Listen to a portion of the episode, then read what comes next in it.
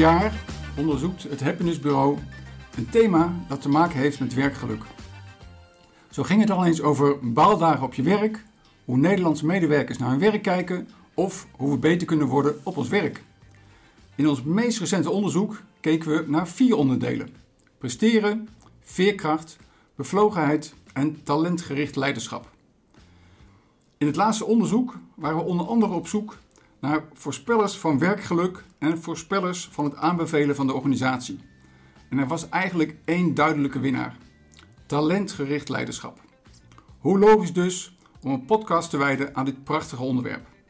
En dat doen we met niemand anders dan Jessica Kruijsen, samenwerkingspartner bij het Happiness Bureau en een expert op dit gebied.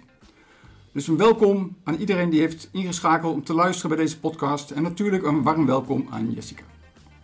Jessica, ik ben een man van de inhoud, dus ik duik graag meteen het onderwerp in.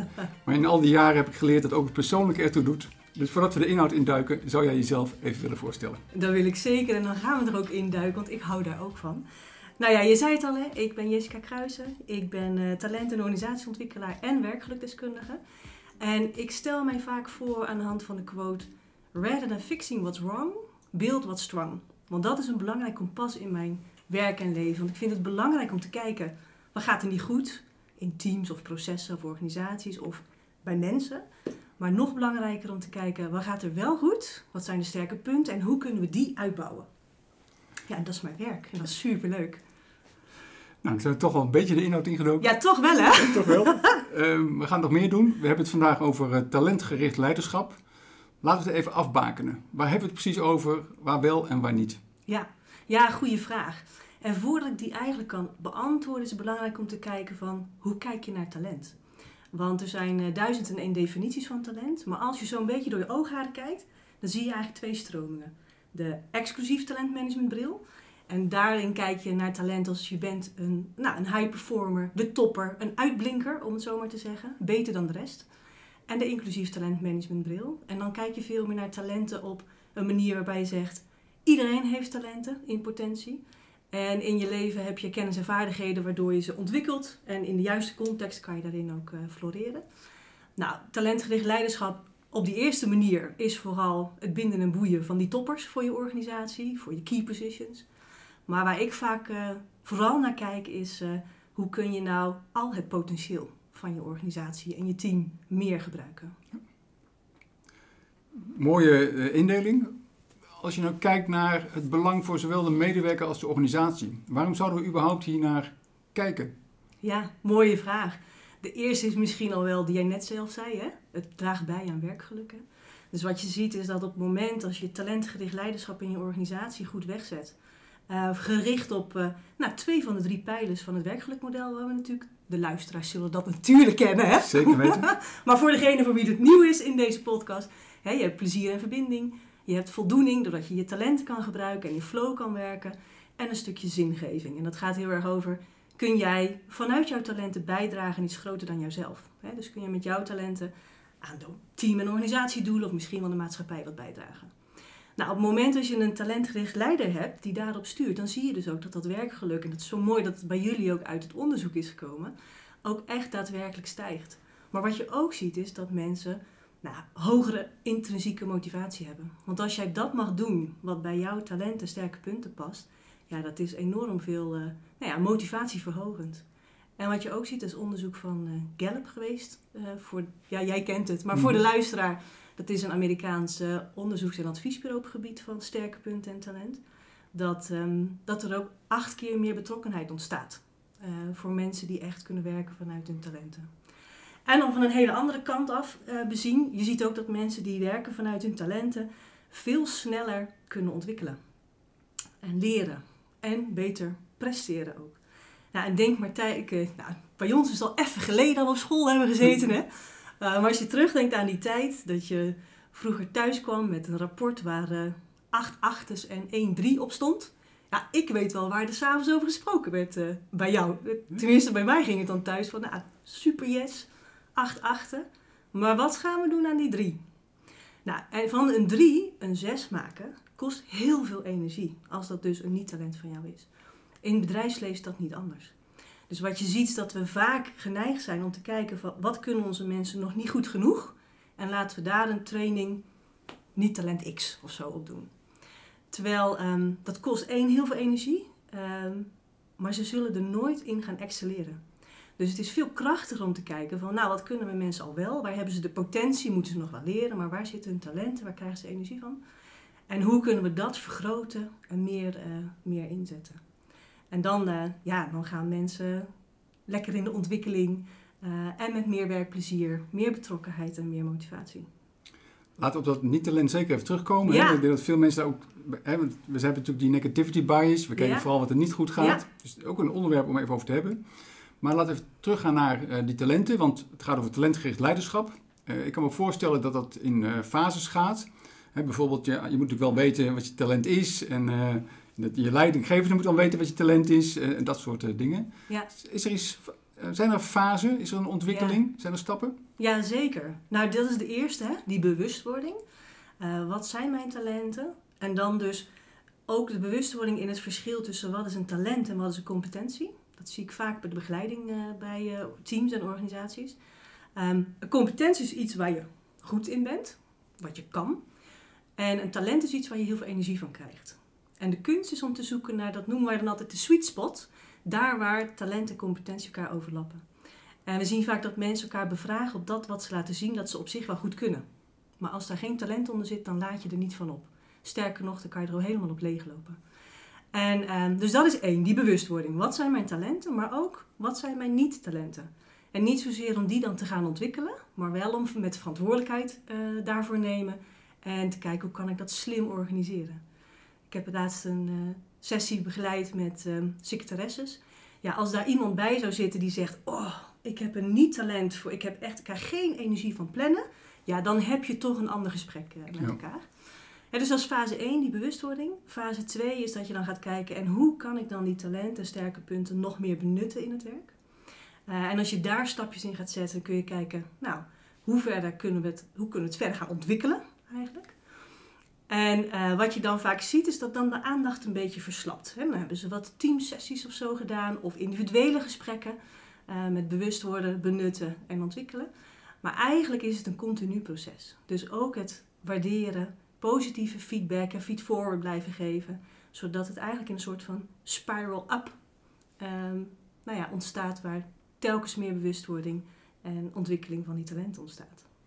En heb ik nu even goed begrepen dat je eigenlijk vier fasen onderscheidt? Ja. Van bewust worden, je moet het weten. Ja. Twee, het gaan benutten. Want ja. als je het weet... Uh, maar je doet er niks mee, is ook ja, jammer. Maak er alsjeblieft gebruik van. Ja. En als je dat doet, ontwikkel het ook verder. Want het is niet enkel gegeven dat je meteen op je maximum zit. Nee, dan moet je verder ontwikkelen. Ja. Um, het, het zij ook omdat je andere uh, uitdagingen krijgt. Um, en de, uh, de, vierde kant van daar ook positieve feedback op krijgen. Waarderen, naar kijken. Um, en waar is dat precies voor bedoeld, die laatste fase? Wat, wat helpt dat? Nou, dat je nog weer scherper wordt en nog meer bewust wordt. Dus dat is ook eigenlijk een manier ook om te kijken hoe kunnen we afspraken maken om bijvoorbeeld um, jou nog wat meer te stretchen, zodat jij in die leerzone blijft. Ik weet niet of jij dat vaak tegenkomt, maar ik hoor ook wel regelmatig: ja, yes, is dat talentgericht leiderschap? Is dat niet een beetje de feel-good leider? En ik kan me dat voorstellen dat mensen dat idee hebben, maar een echte goede talentgerichte leider, die stretcht continu zijn mensen. En die kijkt elke keer hoe kan ik het net nog een beetje moeilijker maken, net nog meer complexiteit uh, uh, bieden in de context, zodat uh, iemand in ontwikkeling blijft en niet op een gegeven moment stagneert op een bepaald niveau. Okay. Dan hebben we het over fase 3, dat verder ontwikkelen. Ja. En jij zegt van zorg ervoor dat je blijft uitgedaagd worden ja. door jezelf, maar misschien ook een praat hier over talentgericht leiderschap, ook door je leidinggevende. Ja. Zijn er nog andere dingen die een leidinggevende die misschien zelf kan doen om je te blijven ontwikkelen? Um, nou ja, wat een belangrijke taak wel voor de, die leidinggevende is, uh, is om ook een soort, ja, ik noem het maar, um, architect te zijn van het werkklimaat waarin talentgericht werken ook tot uiting kan komen. Dus wat ik vaak zie bij uh, leidinggevenden is dat ze dan starten bijvoorbeeld met de individuele medewerker, uh, begeleiden in het bewust worden, benutten, ontwikkelen, positief waarderen. Um, maar niet altijd met alle medewerkers. Uh, en er is ook nog zoveel meer te halen als je ook gewoon echt met je club uh, daarin uh, aan de gang gaat. Oké. Je had het al even over ehm, inclusief en exclusief talentmanagement. Eh, Je hebt zelf je, je- zegt van ik ben iets meer bezig met het inclusieve. Ja. Is het nou goed of fout de een of de tweede? Of Nee. eh, hoe is de verhouding ook in je organisatie? Hoe moet je daarmee omgaan? Ja. Nee, er is zeker geen goed en fout. Ik geloof zelfs in de NN. Dus dat je enerzijds kijkt in je organisatie, wat zijn mijn key positions? Hoe zorg ik dat ik eh, nou ja, die high performers soort binnenkrijg op bepaalde plekken? En behoud ook.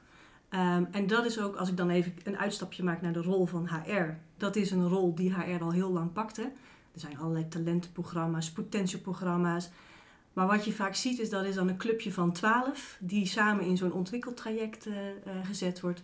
En je hebt er 2000 rondlopen. En als je nou kijkt naar de snel veranderende maatschappij om ons heen, maar ook de krapte op de arbeidsmarkt, dan is het zonde om van die 1990 andere medewerkers niet het volle eh, potentieel te gebruiken. Dus wat je ziet is dat veel organisaties hebben al dingen op exclusief talentmanagement. Mhm. En de inclusief talentmanagement is wat nieuwer eh, in dat opzicht. Om daar ook echt mee, eh, mee aan de gang te gaan. Oké, en als je dan een soort tussenvorm, hè, want of, of die- een tussenvorm zou kunnen zijn dat je ook naar je team kijkt. Want ik weet nu wat mijn talenten zijn, ik ben er me bewust van, ik ga me ontwikkelen.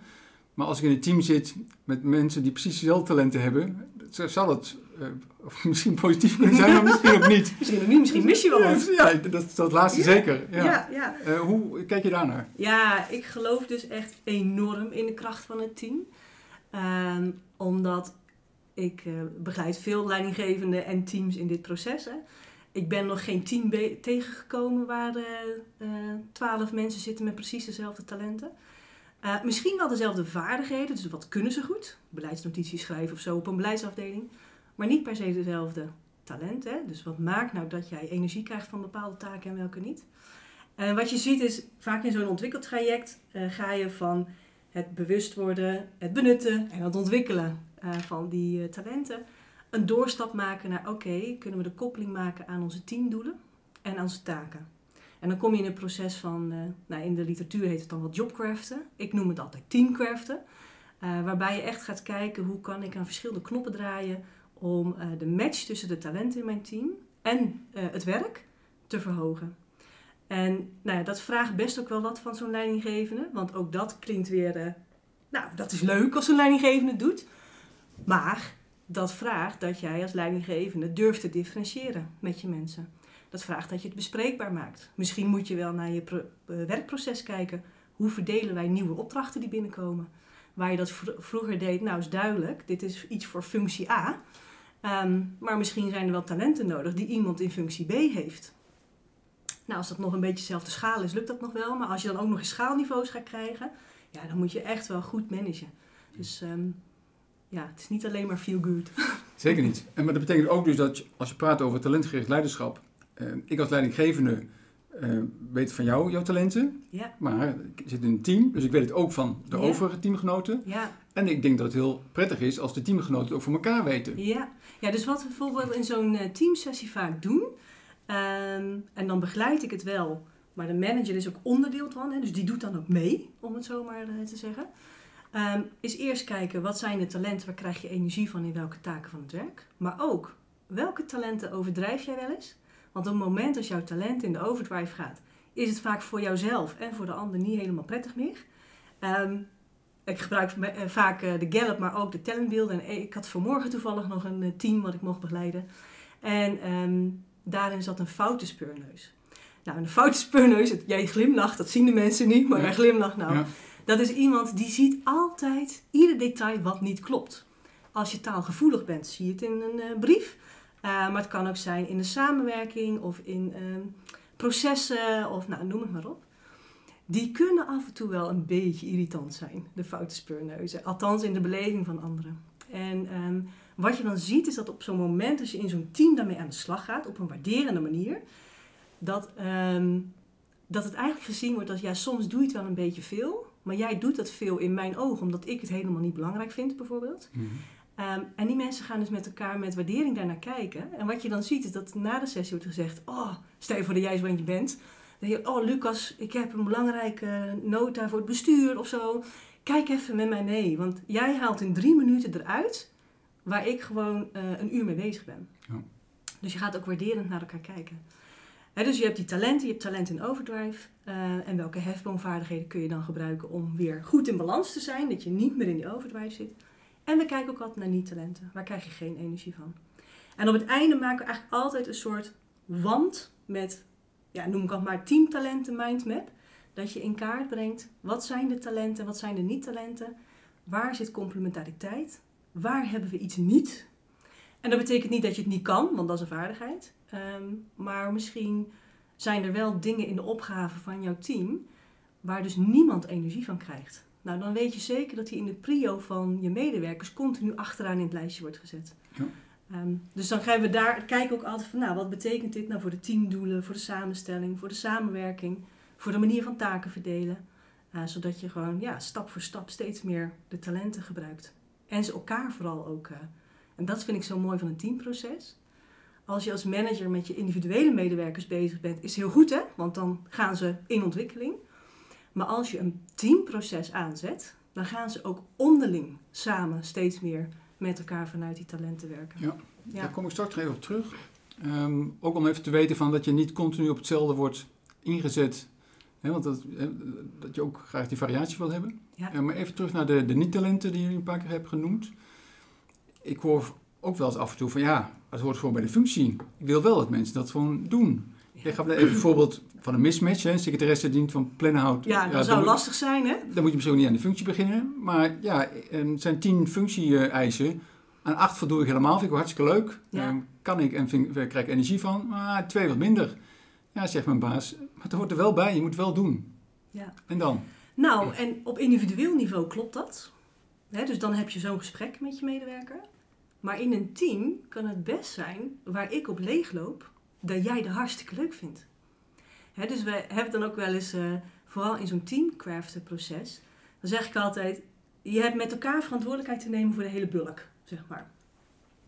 Maar wat ik als een K-klusje ervaar, ervaar jij misschien helemaal niet zo. Maar iets wat jij als een uh, corvée-taak ervaart, vind ik misschien heel leuk. Dus daar ga je ook kijken met taken van hoe kunnen we craften. En dan blijft er altijd nog wel iets over. Waarvan iedereen denkt, ja, beetje kansloos, maar het moet. En um, ja, dat zie ik dan ook wel als een corvée-taak. Maar omdat je al meer mag doen wat past bij jouw talenten en kwaliteiten, vinden mensen het vaak minder erg dat er ook nog een stukje overblijft wat, ja, wat gewoon part of the job is. En als er natuurlijk 95% van je tijd is, dan moet je je weer af gaan vragen, zit ik wel op de goede plek? Ja. Um, maar als dat een klein stukje van het werk is, ja. Kijk, in een van onze andere podcasts gingen we in op uh, Playful Work Design. Ja, En die kun je daar dan ook heel dan mooi zou je in misschien dat, dat eh, dan goed kunnen inzetten. Ja. Maar zeker ook die verhouding van hoeveel tijd moet je eraan besteden. Want als het toch aanzienlijk is, ja, dan is het. ehm, ja, dan moet Ja. je misschien nadenken van is dat wel helemaal voor mij passend, eh, deze baan. Precies. Nou, en daar zie je dus ook wel eh, met regelmaat eh, door zo'n ontwikkeltraject. Ja, ik noem het altijd een beetje blije mobiliteit. En wat ik daarmee bedoel is dat er eh, gelukkig geen bosjes tegelijk, eh, maar met regelmaat mensen na, of gedurende zo'n traject zeggen van nou, ik zat niet lekker in mijn vel, ik functioneer ook niet heel lekker. Dat is dan vaak wat ik ook van een leidinggevende hoor, van ja, die, ja, die zit gewoon niet eigenlijk helemaal goed op de plek. En ehm, wat je dan ziet is dat doordat je zo bewust kijkt van nou wat zijn. Iedereen heeft dus talenten. Maar afhankelijk van de context waarin je zit, kun je ze tot uiting brengen of niet. En dat mensen dan zich beseffen van. Ik heb wel eens iemand gehad die kwam naar de hand en zei: Oh, ik vind het zo fijn. Want ik, heb, ik had echt het idee, ik kan helemaal niks meer. Ik zit niet lekker in mijn, in mijn vel, niet lekker in mijn functie. Maar ik heb toch nou het idee, ik heb wel talenten. Maar niks van mijn talenten doet ertoe in mijn baan. En ik word bevraagd op mijn niet-talenten. Ja. En eh, nou ja, vaak is zo'n proces moeizaam met iemand. Hè, als dat eh, zich voordoet, krijg je dossiervorming en eh, alle toeters en bellen. Maar als iemand het op deze manier ontdekt, dan kan je al in een veel vroeger stadium kijken van goh, maar welke omgeving past dan wel bij jou. Bij grote organisaties is er vaak wel een ander team of een andere afdeling, eh, of misschien wel buiten. Ehm, maar dan is het vanuit een stuk waardering. Ja, en dus, ja, blije mobiliteit is ook niet helemaal een lekker woord, hè, maar nee, volgens mij, je snapt wat ik bedoel ermee. Mhm. Het heeft een andere dynamiek dan iemand eerst uit laten blussen. Ja. En eh, totaal helemaal niet meer lekker in zijn vel eh, laten zitten. Dit gaat over eh, talentgericht eh, eh, leiderschap. Uh, wat vraagt het eigenlijk van een leidinggevende? We hebben die vier fasen natuurlijk gehad, maar zijn er nog andere dingen die voor een leidinggevende interessant zijn? Van ja, maar hier moet je wel aan denken of dit moet je doen. Zeker. Nou, dus um, als je dus in die fases bezig bent, dan is het dus echt belangrijk om ook goed naar je medewerkers te kijken. En ze te stretchen, dus met die uitdagingen ook echt te stretchen in, hun, in de ontwikkeling van hun talenten. En daarin ook het vertrouwen geven. Dat zij de dingen doen die ze moeten doen. En het is altijd een beetje een dooddoener, hè? maar sturen op het wat in plaats van het hoe. Want bepaalde resultaten kun je op verschillende manieren uh, bereiken, afhankelijk van wat jouw uh, talentenpakketje is. Dus vooral sturen op dat wat en minder, uh, minder op dat hoe. En wat ik al zei, het vraagt dus echt dat jij een soort van architect bent van het werkklimaat waarin die talenten nou ja, optimaal gebruikt worden in zo'n team ook samen. Is dat lastig voor een leidinggevende? Voor sommigen wel. Ik denk dat uh, wat ik met regels... Moet je daar talent voor hebben? Ja. nou, dat is een hele mooie vraag. Um, want het, niet iedereen is makkelijk in het be bekijken met een waarderende bril naar ieders sterke punten. Ja. En, uh, want jij zei net al, we hebben allemaal de negativity bias, die is misschien ook al een keer voorbij gekomen in een podcast. Ja, dus wij zijn gewoon geneigd om te kijken naar wat loopt er nog niet goed genoeg. Of niet goed. Uh, maar het echt kijken naar wat loopt er wel goed en hoe kunnen we dat nog meer versterken. Um, dat vindt de een makkelijker dan de ander. Ja. En wat zou je dan kunnen doen? Ja, wat zou je dan kunnen doen? Uh, nou, een stukje hulp inschakelen is één, zeg maar. Hè? Dus uh, als je dat zelf lastig vindt.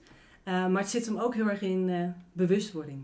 dus ik merk dat op het moment als, in ieder geval als wij ingeschakeld worden, hè, om hier een stukje begeleiding in te doen, dan wel in een MD-traject waar je met managers aan de slag gaat om dit te leren, dan wel een manager met zijn team, zeg maar.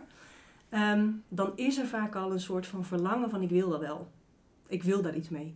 En dat vind ik wel een belangrijke voorwaarde. Je moet er wel een beetje in geloven, om het zo maar te zeggen. Dat je het dan af en toe nog lastig vindt, dat is heel gewoon. Want het is een andere manier van kijken naar je mensen, naar ontwikkeling. En vind jij dat de rol van HR daar ook iets zou kunnen zijn bij het aannameproces? Dus dat je meer leidinggevenden selecteert op basis van dat zij daar interesse in hebben, het ook een beetje kunnen? Zeker. Ja, de, de, de luisteraar ziet het niet, maar ik zit heel hard ja te knikken hier zo. Hè? Ja. um, ik zie daar zeker een rol in uh, voor HR. En eigenlijk in meerdere lagen. Hè? Dus zowel in het, nou ja, hoe kijken wij, wat is onze visie op leiderschap in een organisatie, in onze organisatie? Want zoals er duizend en één definities van talenten zijn, zijn die er ook van leiderschap. Hè? En talentgericht leiderschap is ook gewoon een smaak, om het mhm. zo, uh, zo maar te zeggen. Maar als je dat echt belangrijk vindt uh, in je organisatie, uh, om ook gewoon zowel vanuit die exclusieve talentmanagementbril, die er dus bij de meesten al is, daarnaast ook inclusief, dat vraagt dus ook iets, hoe kijk je naar je managers? Uh, wat doe je daarin D in ontwikkeling met je managers? Um, maar ook hoe is, hoe is je visie daarop? En het aannamebeleid geldt voor management, maar hetzelfde voor de manager met zijn medewerker. Want selecteer jij de nieuwe medewerker op een cv met uh, de hard, hard skills, zeg maar, en de opleidingen en de werkervaring? Of uh, weet jij heel goed wat jouw team nodig heeft aan complementariteit en waar vanuit talenten? Past talentgerichte leiderschap volgens jou in iedere organisatie, in iedere sector? Of is het eigenlijk vooral kennisintensieve sectoren? Ja, een mooie vraag. Um, want ik denk dat in kennisintensieve sectoren, sowieso een mooi woord voor uh, Scrabble of zo, hè? daar heb je wel meer mogelijkheden. Daar kun je, kun je, dat gaat meer doen. Um, maar ik geloof er wel in dat of jij nou eenvoudig routinematig werk doet, uh, of nou ja, wat hoger kenniswerk, om het zo maar te zeggen, wat complexer kenniswerk uiteindelijk floreert iedereen het beste als hij doet dat wat past bij jouw sterke punten en jouw kwaliteiten en talenten. Dus ja, mijn ideale wereld is het overal. um, maar wat je er ook daadwerkelijk mee kan doen en hoeveel ruimte is er om echt te teamcraften bijvoorbeeld, ja. dat scheelt wel per afdeling uh, of per type organisatie. Ja. ja. Okay. Ik zal even terugkomen op um, als je zeg maar, je talenten te veel inzet, of je hebt verschillende talenten. ehm, ja, ik kan me voorstellen, dat, ja, ik word continu bevraagd met het ene talent. Op een gegeven moment wordt het ook een beetje vervelend. Ik heb meer talenten. Ja, Hoe zou je daarmee kunnen omgaan? ja. Nou ja, wat je dus inderdaad ziet is, eh, mensen zeggen dan wel eens tegen mij, nou dan, eh, dan weet ik het nu wel wat mijn talenten zijn, zeg maar. Ja. En daar word ik dan op bevraagd. Eh, en dan kijk ik maar even naar mijzelf. Ik ben natuurlijk expert op dit gebied. En zelf heb ik ook in de afgelopen jaren nog nieuwe talenten ontdekt. Ehm, omdat je hebt ook een context nodig waar het bevraagd wordt. Als je nog nooit zoiets gedaan hebt. Ehm, dus het is heel belangrijk als leidinggevende om je mensen verschillen, als het kan, binnen de aard van het type van het werk, eh, verschillende type projecten of opdrachten of verschillende contexten samen laten werken met andere mensen. Want ehm, een talent herken je aan, dat geeft je energie. Het zijn dingen waar je blij van wordt, waar je positieve emoties van eh, door ervaart. Ehm, maar er zit ook iets van moeiteloosheid in. Dus als iemand tegen jou zegt, maar dat doet toch iedereen zo? Nadat jij hem een compliment hebt gegeven over hoe goed iets gaat, nou dat is een cue, zeg maar. Dat het misschien wel iets van een talent is. En daarmee is het ontdekken van je talent is ook best wel een relationeel proces. Want voor jou is het zo gewoon dat je denkt, dat doet toch iedereen zo? Ja. En bij mij, een voorbeeldje van mijzelf, eh, een van mijn talenten, als we dan de talentbeelden gebruiken, de taal daarvan, is eh, ontrafelaar. En een ontrafelaar, dat is iemand die heel veel energie krijgt om veel theorieën of, of verschillende brokstukken te versimpelen naar iets, een 1, 2, 3'tje, zeg maar.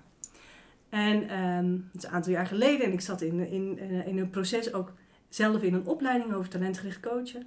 En dat iemand tegen mij zei, ja, jij bent echt een ontrafelaar. En ik dacht, een ontrafelaar? Nee joh, dat ben ik helemaal niet. Dat doet toch iedereen? Nou, cash kwam zo binnen bij mij, zeg maar. Ja. En dat kwam omdat iemand zei, ja, ik vraag altijd aan jou, dan heb ik spaghetti in mijn hoofd. En dan klets ik even met jou over dingen waar ik zelf dan helemaal geen verstand van heb, inhoudelijk. En dan ligt alles weer netjes op een rijtje. En ik dacht, ja, maar iedereen stelt toch gewoon even drie, vier vragen en dan is het toch gewoon helder. Nou, als je dat bij medewerkers tegenkomt, ehm, dan heb je misschien wel een cue voor een talent waar ze nog niet bewust van zijn. En nog niet heel bewust inzetten. En daar kun je dan wel heel mooi dat fasestappetjes van, eh, van die vier eh, Ja. stappen mee gaan doen. De vele organisaties die naar deze podcast luisteren of het artikel lezen, die denken van wauw, ehm, ah, ik eh, doe het al een beetje, maar nu kan ik het nog beter doen. Of ze denken van nou, ik wil graag mee aan de slag. Wat zijn eigenlijk de tips voor organisaties die hier stappen in willen gaan maken? Ja, begin klein, zou ik zeggen. En begin bij, dus even vanuit de HR-bril, als je het zegt over organisaties. Dan ehm, geloof ik heel erg in dat je vanuit HR, als je die wens hebt, eh, vanuit de directie, om hier meer mee te gaan doen, dat je begint daar waar de energie zit. Ehm, omdat dan gaat het namelijk als vanzelf. Dus dan kun je met een aantal leidinggevenden en hun teams stappen in gaan zetten. Ehm, en dan wordt dat vanzelf een olievlek waar steeds meer mensen op gaan aansluiten. Waar je dan een MD-programma op kan gaan zetten. Waar je bewuste teamontwikkeling eh, op kan gaan doen. Wat ik nog regelmatig om me heen zie, is dat er dan eerst ellenlange beleidsplannen worden gemaakt en ideeën. Maar er eigenlijk geen stapjes worden gezet. Nou, en ik geloof heel erg in agile en wendbaar ontwikkelen. Ook in talentontwikkeling. Dus begin daar waar de energie is. Zet stapjes. Trek daar de lessen van naar boven. En ehm, ja, ga er zo mee aan de slag. Dat zijn natuurlijk prachtige tips voor eh, de organisatie. Ja, Ook als leidinggevende heb ik hiernaar geluisterd. ja, Wat zou ik als leidinggevende kunnen doen om dit op te pakken? ja. Start bij jezelf. Dus ik geloof heel erg dat als je als leidinggevende echt, echt talentgericht wil, eh, leiderschap wil gaan ontwikkelen, dat je heel goed naar jezelf kijkt. Wat zijn mijn talenten en kwaliteiten en niet-talenten? En hoe zet ik die in in talentgericht leiderschap? Dus dat is één eh, belangrijke onderzoek eh, van jezelf. En daar ook eigenlijk een stukje bewustwording benutten, ontwikkelen, nou, waar we het net over hebben gehad. Ehm, en ik geloof heel erg in de kracht van taal. En ehm, ik gebruik zelf vaak de, de talentbeelden en de Gallup. Dat zijn twee fijne talententesten. En niet zozeer omdat dan het rapport zegt wie je bent en daarmee klaar. Maar omdat je dan taal creëert bij jouw team. Waardoor ze met elkaar ook veel makkelijker dat gesprek. Dus die foute speurneus van net. Ja. Of eh, een andere is, eh, talent is een ideeënfontein. Nou, zijn mensen die bruisen van ideeën altijd. moet je af en toe een beetje afremmen op het moment dat we hebben gezegd en zo gaan we het doen, want dan komen ze met een nieuw idee. Maar kun je perfect gebruiken in brainstormfases of initiatieffases. En door taal te maken met elkaar gaan ze onderling ook makkelijker op talenten en niet-talenten elkaar nou ja, bevragen, helpen. Of bewust zeggen van, goh, kan jij met jouw ideeën Fontijn mij even nu helpen, want ik loop vast, bijvoorbeeld. Dus die twee dingen. Echt goed kijken naar jezelf en taal creëren in je... De rest hebben we eigenlijk allemaal al gezegd. Maar die zou ik dan nog mee willen geven aan, Ja, die, eh, Super, aan die super. managers. Ja, dankjewel. Ik begon met eh, het onderzoek wat wij als Happiness Bureau eh, doen. En het afgelopen jaar hebben we dus aangetoond dat ehm, talentgericht leiderschap echt een voorspeller is van zowel bevlogenheid en daarmee werkgeluk, maar ook rechtstreeks werkgeluk. Ja. En aan de andere kant eh, via bevlogenheid ook het aanbevelen van de organisatie. Dus mensen zijn ook heel trots Ja. eh, als zij ehm, eh, met hun talenten, van hun talenten gebruik kunnen maken. Eh, ja, ze bevelen de organisatie vaak aan. Dus voor mij is het een prachtig onderwerp. Ik vond het ontzettend leuk om daar met jou vandaag over te hebben. Dus Ik ook. Enorm bedankt voor je- jouw bijdrage. En ik hoop dat er voor heel veel organisaties hier echt mee aan de slag gaan. Want volgens mij gaan mensen floreren als zij ehm, van hun talenten gebruik kunnen maken. Ja, zeker. Dat is fantastisch. Dankjewel.